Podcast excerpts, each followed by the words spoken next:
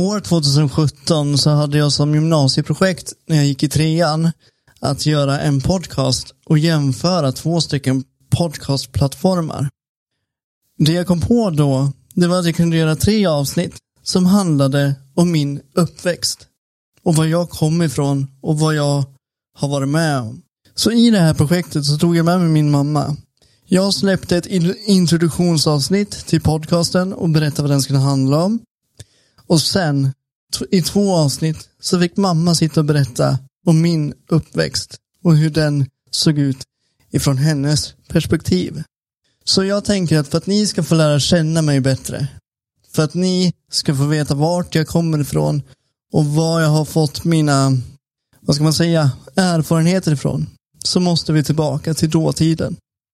Så det ni kommer få höra nu, det är en podcast som jag och mamma spelade in 2017. Det här är en podcast som handlar om min uppväxt, vad jag har varit med om, men ifrån min mammas perspektiv. Efter det här så kommer vi lätt kunna grotta ner oss i de olika sakerna som mamma kommer ta upp här. Och det är det jag vill. Ni kommer få höra att vi har varit med om vi har varit med om självmord inom familjen, missbruk inom familjen, medberoende inom familjen, psykisk ohälsa inom familjen. Så att eh, vi har ett helt bagage. Så nu får ni lyssna på Daniel och Karina från 2017.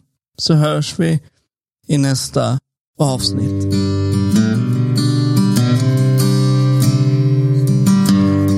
Ja, du föddes ju 97, en vårdag. Och då höll jag på ute i stallet och det var som vanligt allting. Jag var ju inte beredd på att föda barn den dagen så jag stod och ryckte en häst och kände då att vattnet började rinna efter benen på mig. Och jag fick panik liksom och tänkte att det här är ju alldeles för tidigt. Så jag skyndade mig in och lärde ordna så att alla barnen skulle få barnvakt och så fick jag åka in till Gävle. Eh, jag kände inga sparkar på vägen. Jag trodde jag hade mist det redan då liksom. För att jag visste inte hur det fungerade det här med att få för tidigt och, och så. Men eh, det var mycket tankar på vägen in. Så när vi kom in till Gävle då var det ju i alla fall bekräftat att du levde och att eh, de hade inte kuvöser i Gävle och det måste man ju ha till ett barn som föds så tidigt. Så att jag fick åka till Uppsala. Och resan till Uppsala var ju ganska rolig också för att jag fick en kvinna med mig som hade precis börjat jobba den dagen efter en hjärnblödning. Och jag menar, då låg man där och tänkte, kan, kan hon hjälpa mig på vägen om det händer något? Och så säger hon på vägen ner också att det står en helikopter redo i Uppsala och hämta upp dig om det blir bråttom. Så jag hade ju en sån här skräckresa ner till, till Uppsala. Jag var dörädd att allt det här skulle jag komma, ja, alltså det skulle bli så. Vilket äventyr. Ja, det, bara det var äventyret när du skulle ut. Men vi kom i alla fall till Uppsala och där startade verkarna sen som det skulle. Och, och din pappa kom också ner så han var ju där. Vi, jag fick dig, jag vet inte vilken tid det var, det var i alla fall efter klockan 12 på natten då. Mm. Så det var en ny dag. Uh, och de tog ju dig ifrån mig direkt och lade dig i en kuvös så jag fick ju inte ha dig med mig som de man brukar ha med barnen som jag haft med de andra, dina syskon då. Det kändes ju lite jobbigt tycker jag när man låg där och sen fick jag ju komma upp på ett rum och där fick jag ju vara själv. Jag fick ju inte ha dig med där för du skulle ju ligga på ett helt annat ställe. Så dagen efter då, när man precis är nyförlöst, så skulle jag ta mig då till det sjukhus, eller den, den avdelning du låg på då. Och där kommer man in och det ligger ju världens minsta lilla bebis. Liten, ja. Du Just det, jag var ganska, ganska liten när jag föddes. Ja, eller du var stor egentligen, men för mig så var du liten för du var ju, vägde ju två kilo mindre än mina andra barn så det var det var ju väldigt liksom, du var väldigt liten tyckte jag. Och så sitter en stor eh, grej i munnen på dig och då frågar jag vad är det där för någonting? Jo, det är en syre som du har fått syre i på natten för du hade haft dåligt, eh, dålig andning, du hade inte kunnat andas riktigt. Och jag frågar varför och då berättar de att eh, små barns lungor är inte utvecklade så de är liksom, de kan inte andas riktigt själv. Men jag tänkte ju inte mer på det utan jag var ju glad när de tog bort den här. Ja, då stoppar de ju i dig en slang i näsan ner i magen och det tyckte jag var hemskt alltså. Då, ja, vad ska ni ha den till då? Ja, här ska han få mat ur. Var det den jag drog ut när jag var liten? Hela tiden, hela tiden. De fick klistra fast den på det. Och då ville de att sen att jag skulle lära mig sätta i den och det var det, det absolut. Jag gjorde det inte för jag kunde inte. Jag, jag tyckte jag pinade hela tiden. Men i alla fall då, de, de hade satt i den och de sa de åt mig att ja du, jag kunde inte få amma dig då utan jag skulle få liksom pumpa igång mjölk då, om man säger så med en pumpmaskin. Och jag är ingen sån här som tycker om sånt men eh, okej, okay, för din skull så gjorde jag det. Försökte i alla fall. Eh, dag två när jag kom ner, då sitter det en eh, Dag tre var det nog, när jag kommer ner där. Då sitter en stor spruta, en stor spruta i ditt huvud, i en åder i ditt huvud. Och jag bara liksom, åh, hjälp! Alltså det, det lilla huvudet och en stor, stor, jag kan inte förstå hur stor den var, tyckte jag. Ja, vad hemskt. Ja, rätt ner in i en åder. Och då frågar jag, varför ska han behöva ha en sån här? Och då säger de, han, har, eh, han måste få antibiotika för han har haft feber i natt och vi kan inte sticka någonstans för vi har stuckit sönder allting på honom, Härdar och allting. Och vet ni hur det känns för en mamma att se sitt barn först sönderstucken och ligger där med sådana här saker. Alltså det var ploppar överallt som sådana här, vad heter som kände pulsen. Det var, du hade grejer på fingrarna, du hade hjärtslagsgrejer, alltså det satt grejer överallt. Liksom, det bara trassla in det allting. Och ja, det var en upplevelse bara. Och jag skulle tro att de som har varit med om det här vet hur jobbigt det är. För att, eh, att se ett så litet barn med liksom så mycket saker på, det är jättejobbigt alltså. Men eh, vi var i alla fall i Uppsala en vecka. Och eh, sen skulle vi få flytta oss upp till Gävle då, för att då skulle de ta oss där på avdelningen. Och där var det liksom mycket lugnare. Det var det var ju liksom inte så här akut där utan där fick jag mer eh, hjälp, mer stöd och förstå och så här. För de hade mer tid för mig. Det hade de inte i Uppsala. Men där fick du i alla fall då komma ur kuvösen efter ett par veckor och du fick ligga på några varma sängar. Men då kom jag upp en morgon då och då säger de liksom, då de stoppat in det igen och så när han hade varit nere 35, jag kommer inte ihåg 35 och någonting i grader på natten. Och då visste jag att, men här, jag är inte säker än att han överlever det här. Och då ja. gick man med det här hela tiden när man la sig på kvällen och man hade det här med sig. Och samtidigt då så, jag åkte ju hem till bar, de andra barnen också under tiden lite grann va. Så att jag mjölkade ur och de kunde ge dig maten och jag fick åka hem och träffa dem hemma för annars, och de fick också komma dit också. För jag låg på ett sånt där patienthotell. Hur länge var jag på sjukhuset totalt? Du var där en månad. Sista natten då, då, sista natten då tränar de dig att ligga på en andningsfilt. Så att om du skulle sluta andas så skulle de ja, in och hjälpa dig då så att säga. Men det funkade så du andades själv och så. Och bara sådana saker, att ta hem ett barn som man vet Ja, liksom inte kanske, man skulle, för det första skulle sondmatas och du skulle, ja man skulle kolla att du andas tyckte man. Och ja, man, det var, man var väldigt rädd för det här i början eftersom det var så nytt, eftersom man aldrig varit med om det. Jag hade väl en fördel i att jag har haft så många barn ändå så att jag kunde, kunde ta det ganska lugnt i alla fall. Men rädslan fanns ju där. Ja, det är klart. Sen kom vi ju hem då och vad heter, jag visste ju absolut, då hade jag ju ingen aning om vad det här hade satt för spår. Du var ett normalt ja, barn för mig så, det fanns inget fel och du var väldigt envis, klättrade runt i sängen redan liten liksom och så va. Men eh, det, det som liksom jag märkte på lite grann, det var ju vi kom hem i, du födde i april, vi kom hem i maj. I maj, juni när man skulle gå till strand, eller juni, juli, när man skulle gå till stranden med dig i, i vagnen, då, då alla barn, mina barn hade somnat när jag var ute och gick i vagn. Då fick jag spänna fast dig för du låg som en basketboll där och studsade liksom. Bara rakt upp och ner.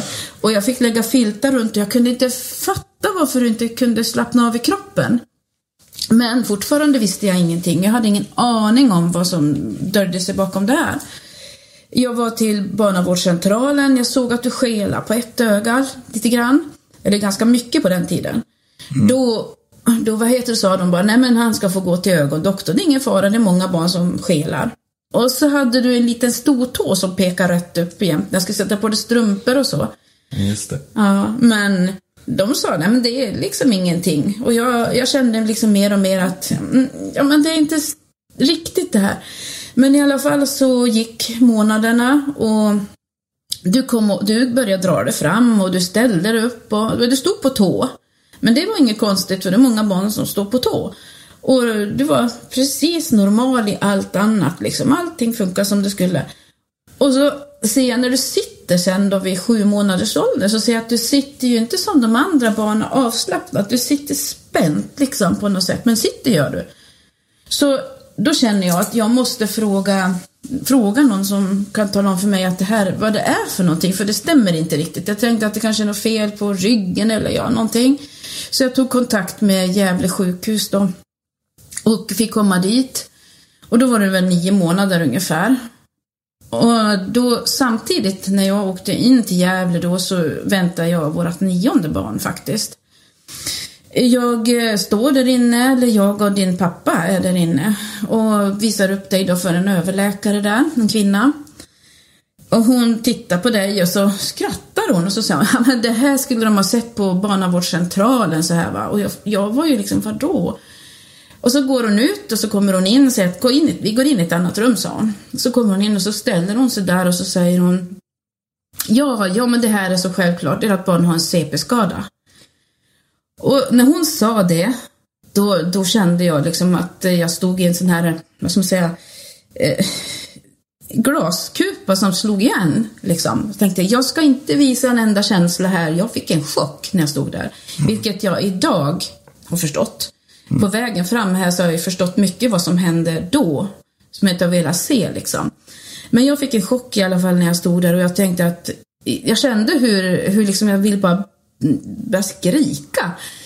Och de började prata där liksom och jag kände att de, de försvann i de försvann liksom i allting utan jag, jag kunde inte ta in det de sa. Och de började prata rullstol och de började prata allt sånt här liksom runt omkring.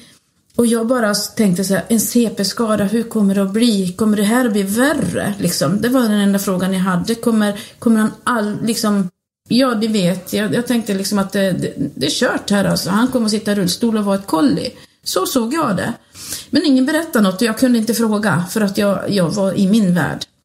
Vi åkte i alla fall hem därifrån då och skulle börja med livet igen då med det här och eh, när jag kommer hem och, och det har gått ett litet tag så märker jag ju Daniel han, han har ju inte sovit direkt på någon natt sedan han kom hem från BB direkt utan han all mat som jag gav han och sånt det kom upp både nätter och dagar och, och så. Då, nu börjar jag ju förstå lite grann vad det var. Det var ju alla spänningar i kroppen och allting som hade gjort det här. Så att jag sov aldrig i början. Inte, och då hade jag ju alla eh, sju andra barn också att sköta om. Liksom. Men, eh, och så hade vi hästar naturligtvis också då. Så att det var mycket, mycket, mycket jobb. Som jag sa då så väntade jag vårt nionde barn då, då. Så jag var ju väldigt, jag mådde väldigt illa och var väldigt trött också under den här tiden. Jag eh, valde då i alla fall att göra abort för jag kände att jag, jag fixar inte det här och, och just ett sånt beslut var ganska tufft för mig. Och jag hade ändå, under den här tiden hade jag inte släppt in barnens pappa i det här riktigt hur jag kände va. Utan han var i sin sorg och jag i min tror jag. Vi pratade inte med varandra om det här utan vi bara körde på med allt vi skulle göra med Daniel, alla Eh, doktorträffar, alla träffar med allting som, som det blev. Det var ögon och det var ortopeder och det var allt som skulle träffa oss. Så att vi pratade faktiskt inte med varann och vad jag önskar idag det är att vi hade fått hjälp och att förstå det här, att vi hade fått professionell hjälp på sjukhuset till att eh, klara ut sådana här saker. Va? För att det här är nog en ganska vanlig sak att man, man, eh, man stänger för känslor och så. Och jag hade stängt totalt. Och i och med aborten så stängde jag ju ännu mer ute han, Jobbarnas pappa då. Men vi fortsatte i alla fall då med Daniels jobb och vi åkte in och jag vet en dag han var inne och skulle gjuta ett ståskal. Det betyder att han göt av en, de göt av han, ja så att han skulle stå rakt i en grej så att han hade stöd ända upp till midjan. Och den, man fick hålla fast den där för att han skulle ligga i det här gipset. Och han, han skrek och han skrek och jag hade precis gjort abort så blodet bara rann och rann. Jag fick en blödning där inne men jag stod där i alla fall och jag var, var svimfärdig alltså. Men, eh, och, och, Daniel, efter den dagen så hatade han karar för det var en, två karar som höll fast han där.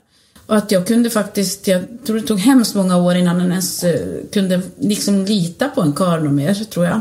Det, det, det var doktorer och allting, bara skrek han sen.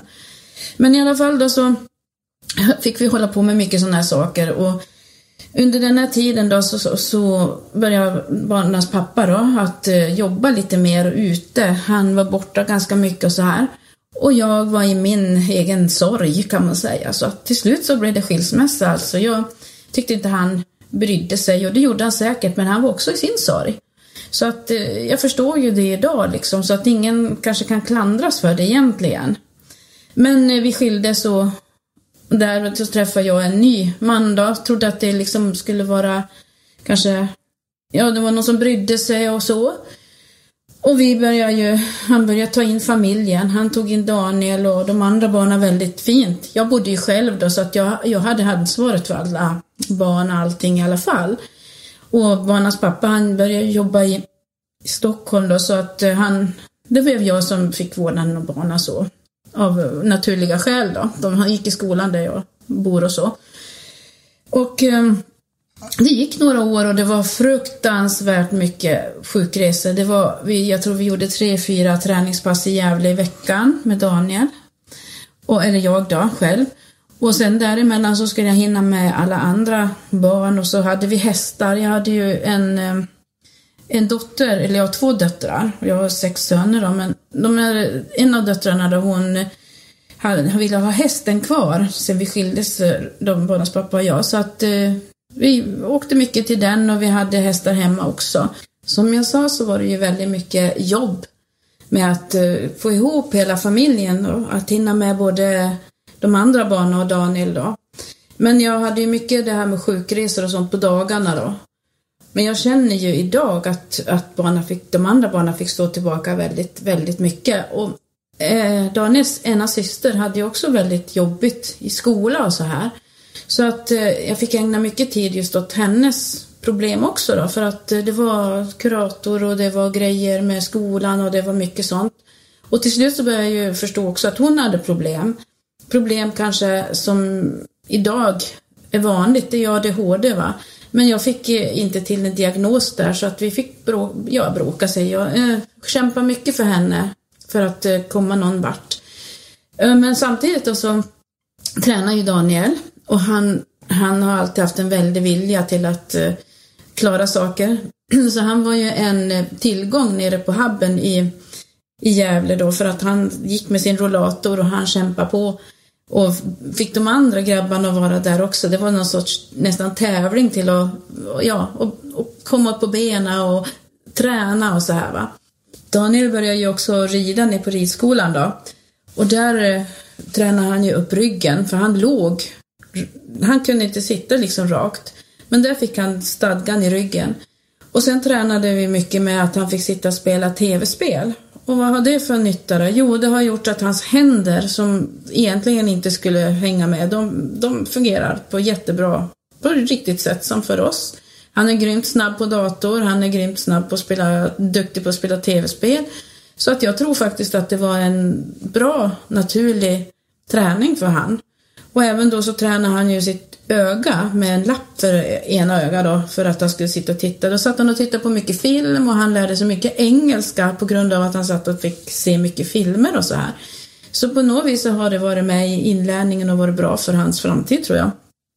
Ja, Daniel han började på dagis och det var ju mest bara för att jag skulle få lite vila någon timme på dagen. Det var ju tre timmar om dagen som det skulle vara men det gick inte så bra. Han kräktes hela tiden och det var väldigt mycket besvär där för dem så att till slut så tänkte jag att nej det fungerar inte, alltså jag tar, jag tar och har han hemma. Och han, han eh, började sen förskolan då efter det. Och där var det ju precis samma sak då. Det, han ville inte ha någon som var där med han som assistent då. Så att jag fick rycka in där och vara gratis på skolan då. Hela dagen. Så att vi tillbringade alla 24 timmarna tillsammans. Jag lämnade Daniel en liten stund då jag skulle åka och titta på när hans ena bror tränade innebandy. Det var faktiskt en semesterstund för mig. Två timmar och bara sitta och titta på innebandy. Det var det enda lediga jag hade två gånger i veckan då. Annars hade jag fullt upp med alla barn, allt och med Daniel också. hade ingenstans liksom att lämna han. Så att eh, det var en väldigt jobbig tid. och Det var väldigt mycket just att slåss för alla barn också. Jag skulle få ekonomin att gå ihop. Och eh, ja, det var, det var en tung tid kan man säga. Ja, jag ska ta med från år 2002 då Daniel var fem år. Och vi har flyttat ganska mycket, men då, just då så flyttade vi från hans födelsehus där uppe i Ivanstjärn. Vi flyttade lite längre ner i byn då. Jag flyttade ihop med den här mannen som jag hade blivit ihop med. Han var en underbar kille alltså. Han tyckte om barna och vi var ju sex, sju stycken då som flyttade ner. Och han hade två hus på gården då som vi bodde i. Så att vi hade ju plats och så. Men eh, i och med det här, den här flytten då, så sa min pappa upp bekantskapen med mig. Inte bekantskapen kan man säga, men han sa att jag ska aldrig sätta min fot i ditt hus något mer. Bara för att han var väldigt besviken över min skilsmässa och det här beslutet att flytta. Så att eh, efter den dagen så ville jag helst inte gå hem till mamma och pappa. Då hade jag alltid min stora syster med så att jag skulle slippa gå själv. Vilket gjorde att jag miste väldigt mycket kontakt och mycket hjälp under den, den här tiden då. Vi flyttade i alla fall ner i det här huset då, allt såg väldigt bra ut. Men som ni kanske kommer ihåg från förra avsnittet som jag pratade, då pratade jag om min dotter som också hade väldigt jobbigt under den här tiden. Hon var inte så gammal alltså och vi var mycket på sådana här kuratorer och psykologer och allting och försökte få hjälp. Och samtidigt så skulle jag åka med Daniel på de här olika sakerna med allt vad det var med träning och allt, ja så. Men så kom jag också på att den här mannen jag flyttade ihop med, som ungarna älskade, han hade väldiga problem med psyket liksom. Han gick på sådana här tabletter och ja, medicin om man säger så, för nerverna då. Och han, även på kvällarna så drack han ganska mycket öl. Ja, bara 3,5 alltså det är ju väldigt lagligt kan man säga. Det är ju inte något allvarligt. Men det var ganska många. Så att jag började få väldigt jobbigt till slut där. Men att se det här liksom och, och vara i det. Och psyket mitt var inte alls det bästa. Så jag kommer så väl ihåg en kväll då. Det hade varit, jag satt ensam vet jag, funderade över det här. Jag menar mamma och pappa fanns inte att prata med. Jag hade min syster som alltid ställde upp. Men just då så hade hon också jobbigt. Så att jag, jag satt där ganska ensam. Och så satt jag och så ringer telefonen, det var ganska sent en kväll. Och så säger min dotter så här i telefonen. Mamma, jag väntar barn. Och ni ska veta att allt försvann under mina fötter. Liksom. Det bara snodde runt i hjärnan på mig och jag kände att jag, jag svimmar av här. Jag kände liksom det här att här sitter jag med så många barn och så, så hon är så ung, hon är bara 13, jag ska bli 14 år. Och så, ja, ska hon bli mamma liksom. Så jag sa till henne i alla fall att eh, du får göra precis som du vill, Sofie, jag. Du får eh, ta det här barnet och ta det kvar och jag hjälper dig fullt ut. Eller så får du ta abort. Det var det liksom det enda jag kunde ge henne för att Ja, jag vet att det, det skulle ju bli väldigt jobbigt för mig och för henne, men att jag skulle ställa upp till 100 procent om hon ville ha det kvar. Men hon var då att ta abort, och vilket gjorde att hon kanske mådde väldigt dåligt efter det här. Och i och med att hon också mådde dåligt psykiskt och hade det här, vad, jag, vad vi vet nu, ADHD-problemet, så, ja, så hade hon det jobbigt. Och jag var ju alltid rädd, jag var alltid rädd att hon skulle göra sig illa liksom för att hon mådde så dåligt. Så att jag gick alltid med den här skräcken inom mig och ville kolla vad hon gjorde och så här. Och så när jag märkte då att mannen jag levde med också hade den här jobbiga biten då var att jag, han hade liksom, ja, ångest och ville ta sitt liv ibland och jag pratade om det bara. Men ändå. Och då kände jag liksom att jag följde med han på olika saker, till psykologer och satt där med han och jag var med han överallt och stöttade. Och Daniel han började förskolan då 2003. Och jag kände hela tiden liksom, han ville ju inte ha någon annan än mig med, så jag var med Daniel dygnen runt. Jag kunde inte lämna honom till någon för att han, han fick inte, jag kunde inte äta riktigt varför jag satt i halsen, så att ingen tordes liksom ha Daniel då. Och jag hade ju inte mamma och pappa som ställde upp, så att ja, jag var ensam liksom. Och så visste jag att jag kunde inte lämna honom till den där mannen då för att han kanske drack, så att ja, det, det, var ganska liksom ensamt och jobbigt att försöka komma igenom det här. Men åren gick i alla fall och jag önskade ju hela tiden att jag skulle sluta dricka, men drickandet trappades upp. Och det var inte att det blev starkare drycker, utan det var mer 3,5. Och Daniel visste ju om, han kände, antagligen så kände ju alla i, i barnaskaran igen det här. Va? För jag vet att min dotter sa för något år sedan, mamma, vi hörde ju dig gråta utanför, men du kom in och såg så glad ut jämt. Man höll en, eh, liksom, ja vad ska man säga, livet uppe, man var glad och man försökte visa barn att man inte mådde dåligt liksom. Men Daniel han, eh, han var ju liksom mitt allt, så vi, han fick följa med mig när jag mådde dåligt så tog jag med han ut i skogen på nätterna ibland och åkte för att ja, jag kunde inte lämna han men jag ville också ha han nära. Så vi har ju varit väldigt, väldigt tajt. Och ibland så åkte jag iväg i raseri över allt som var hemma mot den här mannen då. Och Daniel fick ju följa med, vilket jag idag märker att det finns spår av att han är rädd för faktiskt. Så att mycket av det som har hänt när jag var liten har han med sig i sitt psyke idag kan jag förstå. Och det jobbar vi ju med tillsammans men ändå så har det ju varit jobbigt. I alla fall då var, gick det väl en tre år det här. Och jag ska faktiskt säga så att efter en tre år så kom min pappa tillbaka. Han kom en dag ner till mig. Så här, jag brukar tänka på det nu till jul så här, för då kom han ner med bröd till mig en dag. För att jag hade inte bakat, jag skulle fylla år. Och då kom han dit med den och då visste jag att okej, okay, nu är vi sams igen, nu är allt bra. Så det kändes ju skönt. Ja, det låter ju som det var väldigt tragiska och jobbiga år. Visst var det jobbigt, som ni förstår, ni som är medberoende. Men det har ju ändå varit väldigt roliga år också om jag tänker ur Daniels perspektiv. För den här mannen, han älskade Daniel precis som sitt barn. Och de var ju tillsammans från det Daniel var två år. Så att eh, då han hade han som fadersgestalt. De var ofta ute i skogen. Han fick en fyrhjuling, Daniel, att åka med och följa med eh, den här mannen då ute i skogen. Och han fick även älgpass som han satt i och han hade en liten lekstuga som han hade som sitt, ja, jag vet inte, klubbhus och sånt där. Så han hade, han hade jättemycket roligt också tillsammans med mannen och det hade de andra barnen också. De älskade han. han vi, fick, vi hade hästar och han eh, hemma på gården då och så, så att han Ställde alltid upp med allting och så. Världens snällaste, världens gulligaste människa. Men just det här jobbiga som fanns där under med drickandet. Okej, det var inte så mycket bråk, men det var tufft och tungt. Vi bodde i alla fall i, i de här husen då i tre år. Och livet gick, eh, ja vi hade det bra. Och fullt upp med Daniel och åka överallt. Och den mannen följde ju med på olika saker också. Skjutsade oss och så.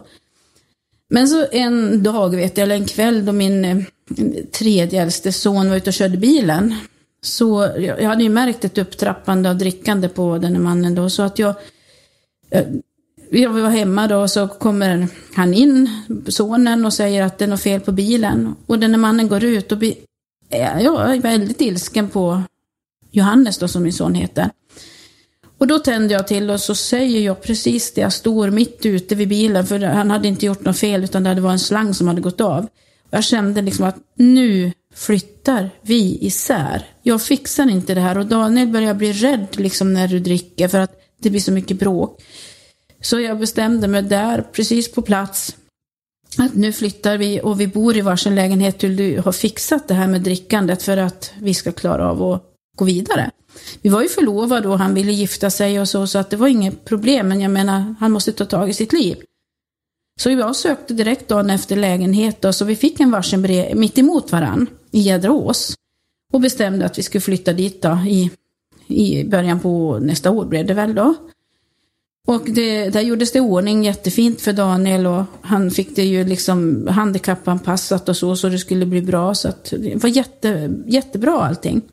Så vi flyttade dit då 2006. Beslutet som vi fattade, eller jag fattade, var ju bra. Det var ju för ett litet tag som det här skulle vara. För vi skulle ju flytta ihop och vi skulle ju gifta oss, hade vi bestämt. Men han lärde bara få tag på det här med alkoholen, för Daniel var så rädd varje gång han drack. Så att vi umgicks, umgicks som vanligt när han inte drack. Men han började också få det här, ni vet, med Försäkringskassan och allt som ni har läst, var Försäkringskassan, Arbetsförmedling, allting. Han var jagad hela tiden. Han skulle jobba och han kunde inte jobba. Och de ville inte sjukskriva han och han behövde pengar. Jag menar, man behöver ju pengar för att leva så att eh, ni vet ju hur det känns när de tar pengarna ifrån en. Så att eh, han blev mer och mer psyk i psykisk obalans kan man säga. Och det märktes ju mer och mer då med drickandet. Så han blev lite mer ensam kan man säga, för vi kunde ju inte vara där hela tiden. Men allt annat rullade ju på och Daniel han hade ju börjat skolan och ja, det gick ju. Så han hade kompisar och allting med hem så allting var ju väldigt bra och så här och fortfarande så körde vi ju det här med mycket, mycket träning, mycket, mycket resor. Så att vi var borta väldigt mycket och även då hans storebror spelade innebandy. Så att vi åkte ju ner till Ockelbo då, på kvällarna och tittade på när han tränade och sådär. Och, och då fick ju de vara med nu då, för nu bodde vi ganska själv. Men sen hade jag ju även hans bror bodde i närheten så de kunde hjälpa till att sköta om, om det var någonting. En liten stund i alla fall. Så att vi hade ju fullt upp under den här tiden. Ja, i slutet av 2006 så började jag liksom se en ljusning i livet i alla fall. För då började den här mannen prata om, om jakt och grejer, för vi hade fått valpar. Och vi hade bestämt oss för att behålla en, så då hade han liksom börjat inse att åh, nu ska han börja jaga in den här valpen och vi måste köpa ett hus nu och, och flytta till. Så nu skulle han verkligen ta tag i det här med livet och allting, liksom och drickandet och nu skulle det bli ordning och reda på alltihop. Så jag var ju jätteglad och tacksam att, liksom, att se att det började hända någonting. Och i början på 2007 så var hoppet där också, men samtidigt så hade jag ju liksom det här med min dotter som hade väldigt jobbigt, så jag hade ju mycket mitt fokus på henne. Men jag såg också fram emot liksom att det skulle bli en förändring då på den här mannens liv. Och jag åkte på innebandyn och vi grejade och hade oss med alla barnen och så här. Och så var det en kväll i mars då jag hade varit ner till Ockelbo på en innebandyträning och hade barnen med och var på väg hem. Och så ringer telefonen och det är mannen då som ringer och och, och just mellan Ockelbo och Gäddrås så är det ett tapp där man inte kan få kontakt. Så jag tänkte att då får han väl ringa upp när jag kommer hem för att det går ju inte att ringa här. Det var ju så på längre tillbaka i tiden.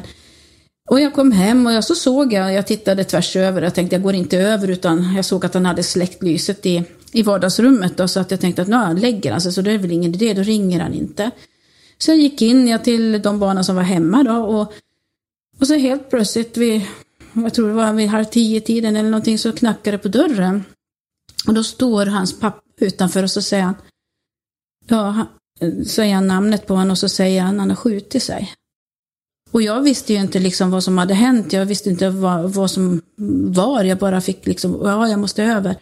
Men då förstod jag att det, den, han var faktiskt död. Jag, jag, jag, kunde inte gå in och titta, alltså. jag, jag visste inte vad jag skulle göra. Jag satt med hans mamma och med hans syster och vi satt där på kvällen och Ja, vi var alla i chock, va? för vi hade ju liksom sett bara att det var bra nu på slutet. Men att han, han valde att ta sitt liv liksom. Och sen kom jag hem på natten och jag hade suttit där ett bra tag och pratat med dem och så här och vi, vi var ju i chock. Och så kom jag hem och så ser jag, då hade alla mina barn, alla mina åtta barn hade samlats hemma.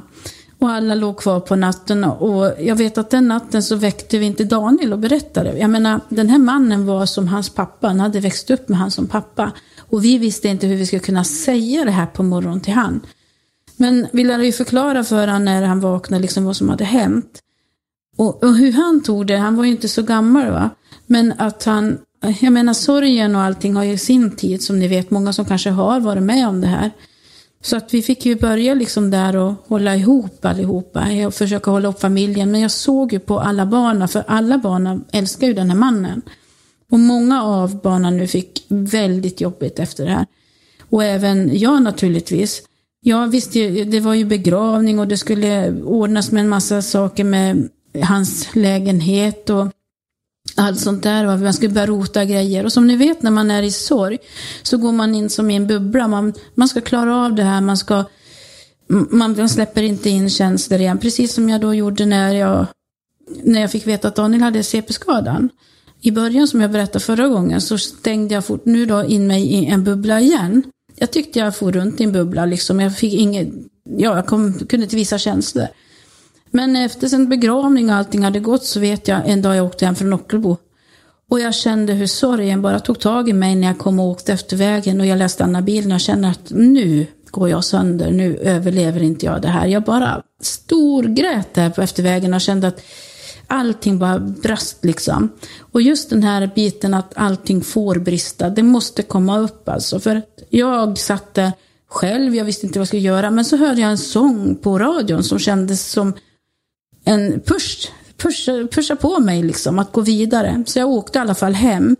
Och just det här som jag gjorde upp då, det gjorde i alla fall att jag kunde gå vidare. Och sorgen och minnen och allting, det har alltid funnits kvar.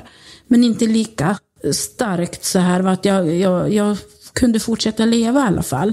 Och det kändes väldigt skönt, liksom att jag fick ta tag i det här igen. Ja, efter den här upplevelsen efter vägen så kände jag väl att jag, jag började komma igenom det här med sorgen. Sorgen skulle jag ju alltid ha, men just den här, vad ska man säga, som jag hade fastnat i kan man säga, den vart jag bra, eller bra ifrån, den vart jag fri ifrån just där efter vägen. Jag ville också att barnen skulle få frid om man säger så. Jag skulle inte gå där och sörja och de skulle få sörja i sin takt och vi skulle prata mycket om det här som har hänt och så tänkte jag. Men så helt liksom mitt i alltihop då så, det här är ju i början på mars och i mitten av sommaren där så träffade jag en ny man. Och det var ju lite snart inpå kan man tycka. Den här mannen han drack, jag drack bara så här till, ja vad ska jag säga, till helgen. Och han åt inte mediciner och han hade jobb och allting var liksom så bra så att jag kände mig väl liksom att jag skulle behövt någon trygg vid min sida kan man väl tänka. Men i alla fall då så fortsatte ju livet. Och här då i, skulle Daniel börja fyran i, i, till hösten då. Och han, mitt, när väl kom in ett tag då så fick han en ny assistent. En assistent som funkade väldigt bra tillsammans med han. Och jag var ju väldigt tacksam då för att då fick jag lite ledigt kan man säga på dagarna. Jag hade ju alltid varit med Daniel både på nätter och dag kan man. Ja, hela tiden då. Så att eh, det var jättelyckat. Och sen då 2008 så köpte vi ett hus tillsammans, den här mannen och jag, i Jäderås. Men jag också, under den här tiden så insåg jag ju att det här skulle inte funka bara på ett sätt. Men jag ville inte avsluta det, för jag, jag orkade inte, för jag var i... Jag, jag menar, jag var, jag var ganska nere. Och barnen var ju också i sorg, va? så de funkade ju inte tillsammans med den här mannen heller. Alltså det som hände då, det är liksom bara ett virvar för oss nu. Och ingen förstår varför heller idag. Men det hände i alla fall. Och i 2008, vid 2009 då, i början på 2009, då skulle Daniel göra en stor operation. Han skulle förlänga senor och han skulle ta av ett ben då, då och, och helt av och vrida det. Och den här operationen då, den skulle ta ganska många timmar så att jag och hans pappa var där med han då, då på, i Stockholm. Och vi, vi, ja, vi satt ju där med han och var, var där, jag vet inte hur många dagar vi var där med han. Men det funkade bra med den här operationen då. Och eh, när jag kom hem sen därifrån så gjorde jag slut med den här mannen för att då kände jag att det, det inte skulle fungera alltså. Det var, det var bara så. Jag hade inte velat gjort han illa före med allt det här med att köpa hus och allt, men, men att det var över då. Och sen gick den här, ja det gick några månader efter den operationen då. Och så, han hade ju mycket, behövde mycket hjälp, Daniel hade mycket ont och det var ganska tufft kan man säga. Daniel han tog den här operationen ganska bra ändå för att han var väldigt fort uppe på, på benen. Så fort som han fick börja gå med rollator så skulle han träna och han skulle vara iväg. Och det gick väldigt bra och han hade inte så ont utan han tränade på och vi fick ju åka iväg och träna igen ganska mycket då. Så att han, och det var ju faktiskt ganska bra tid att träna på också. Men han, han skulle ha sin rollator och han skulle liksom gå så att det var styrka till benen han ville ha. Och efter det här som hade hänt så trodde jag ju nu att livet hade lugnat ner sig. Jag träffade min nuvarande man och, och det kändes ju jättebra liksom att få gå vidare och hitta rätt kändes det som. Men vad händer? Jo, 2009 så ser jag ju att min kära dotter, som vi har pratat om förut med ADHD och det, hon mår ju väldigt dåligt. Hon, hon, jag märker att hon dricker liksom, fast jag, inte, jag kan inte säga det till henne. Jag kan inte förstå, men jag ser att det, någonting är fel. Jag, jag ser att hon är påverkad av någonting, men jag vet inte av vad. Så 2010 då, på våren, då börjar ju Daniel i sjuan och han börjar i Ockelbo och allt ser från början väldigt bra ut tycker jag. Men då börjar han må dåligt där. Under den här tiden så liksom märker jag att både Daniel och Sofie de mår dåligt. Och en kväll, jag, är nere, jag har åkt ner till Göteborg, min man kommer därifrån, jag är nere vid Kungälv kan man säga. Jag står där vid älven, då ringer de hemifrån, min syster ringer och säger så här, Karina, du har massor med poliser runt huset säger de. Och då fick jag veta att de har tagit min dotter. Och jag fick veta också att eh, hon hade, ja, hon hade åkt in i häkte. Men hon kunde inte höra av sig till, man får ju inte höra av sig då till någon när man är där inne. Så att jag fick veta också att hon hade blivit tagen för att hon hade haft narkotika och hållit på med sånt. Och det var liksom ett, ett slag i magen direkt efter allt som hade hänt och jag trodde att allting skulle börja ordna sig. Men i alla fall då så jag fick i alla fall träffa henne när jag kom hem därifrån och ja, det tog väl någon vecka i alla fall. Och det var, det var absolut det värsta som jag har varit med om. Att få se sitt barn sitta i häktet alldeles naket och, och nej, det, det, är grymt alltså. Så det säger jag till er som lyssnar nu alltså. Att försök att prata med varandra. Försök att liksom reda upp saker och låt det inte gå så långt. För det här med, med narkotika och alkohol, det är inte, inte, inte okej. Okay. Inte för någon. Ja, det säger sig självt att Daniel som var så tajt med mig märkte att liksom inte det, jag mådde så bra av det här med Sofie också. Va? För att man känner ju med sina barn. Men också det då att Daniel gick ju då första året i sjuan och han gick eh, höstterminen i Ockelbo. Och det mådde han absolut inte bra. Det var mycket runt omkring det som inte funkade.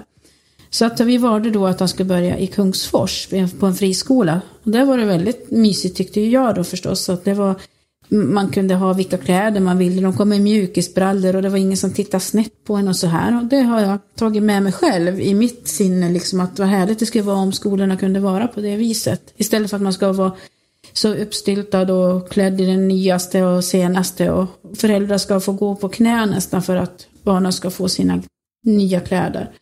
Ja, det var bra där på det viset. Men Daniel gick då fram till mot sommaren då han skulle göra sin andra operation. Och den var lite, då skulle han också ta av det andra benet då och rätta till det rakt då. Vi hade ju, nu hade Sofie kommit hem och, och de bodde hemma hos oss så att det kändes ju bra. De hjälpte till jättemycket när Daniel kom hem från operationen. För den, operationen gick bra. Men sen var det mycket verk efter det här och han hade väldigt jobbigt med att komma tillbaka just efter den här operationen. För, före den operationen då kunde han gå utan kryckor några steg så här på gräsmattan och ja, inne också så tog han steg och gick liksom. Men efter den operationen då rasade allt.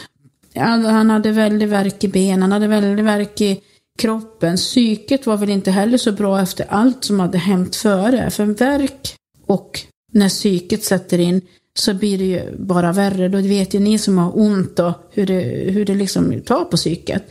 Så där så hade han ju det jättejobbigt. Men sen gick han ju då, började han i Ockelbo då. Och det, då funkade det bra för han fick hemstudier och, och det, han klarade skolan med bravur där och fick till och med ett stipendium när han gick ut nian.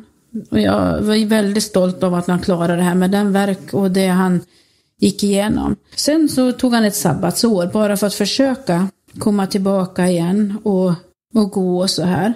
Men under det här sabbatsåret då fick vi jobba mycket med psyket som hade tagit sån stryk.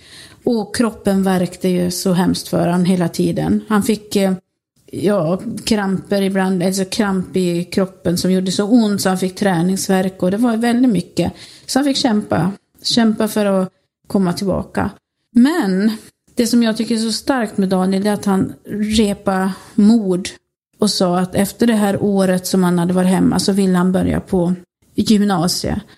Och det tyckte jag var starkt. Det, det är liksom bara, det, det är efter allt som liksom han hade gått igenom.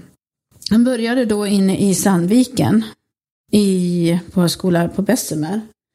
Och där, okej, okay, de hade försökt att liksom få till det för honom med att det skulle funka, men inte var det så bra där inte. Alltså skolan var väl bra i sig, men allt runt omkring, ingenting var ordnat, ingenting, så vi fick kämpa väldigt det året för att få liksom han att klara det. Och då tänkte han ge upp. Men efter ett tag, liksom, så, när han hade gått det där året, då, så tog han i alla fall tag i det och så valde han att börja på real i Gävle. Och jag följde med han dit och så även då hans bror som är assistent åt honom följde med han dit också och pratade med lärarna där och vi fick så positiva vibbar när vi var där. Det var underbara människor som vi pratade med. Vi tyckte det skulle bli jättespännande. Och jag kan ju säga att de här åren som Daniel har gått nu på Real och han går ju ut gymnasiet då 2018. De har varit helt underbara. Okej att Daniel har haft det väldigt psykiskt jobbigt va? för att det är ju mycket med det här när det är kyligt ute så har han väldigt jobbigt med kroppen. Han har haft väldigt mycket värk, han har väldigt mycket saker som inte folk förstår. Jag som lever med honom, som är med honom jämt, jag ser ju de här sakerna. Så jag vet ju precis vad han brottas med för någonting. Och det är så svårt att förklara. Och det, sådana här saker sätter sig på psyket också. Så att han, ibland mår han inte bra.